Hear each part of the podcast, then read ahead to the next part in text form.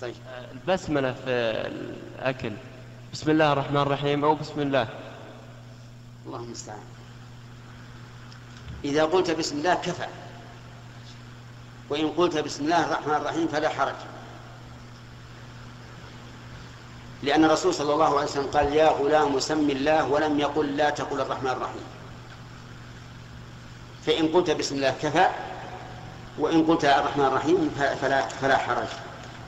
لكن بعض العلماء قال لا تقل الرحمن الرحيم إذا إذا أردت الذبح الذبيحة قال لأن ذبحها ينافي إيش؟ ينافي الرحمة فيقال نعم ذبحها ينافي الرحمة بالنسبة لها وهي ستموت اليوم أو غدا لكن بالنسبة لي رحمة ولا غير رحمة؟ رحمة ولهذا لا نرى أنه يكره أن يقول عند الذبح بسم الله الرحمن الرحيم. المهم أنه يا أخي إن قلت بسم الله كفى. لأن قوله سم الله يصدق بهذا. وإن زدت الرحمن الرحيم فلا تنهى عن ذلك لأن الرسول صلى الله عليه وسلم لم ينهى. وتعلمون أن الشريعة فيها نوع من السعة في هذا الأمر. كان الناس مع الرسول صلى الله عليه وسلم في حجة الوداع. بعضهم يلبي وبعضهم يكبر.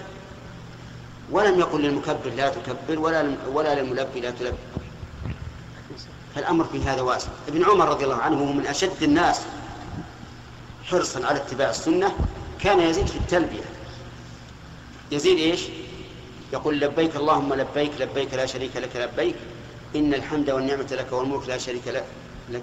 لبيك وسعديك والخير في يديك والرغباء إليك والعمل ولم ينهوا أحد من الصحابة فيما نعلم فالأمر في هذا واسع إلا من ذكر ذكرا لا يناسب أو ذكر شيئا محرما فينهى.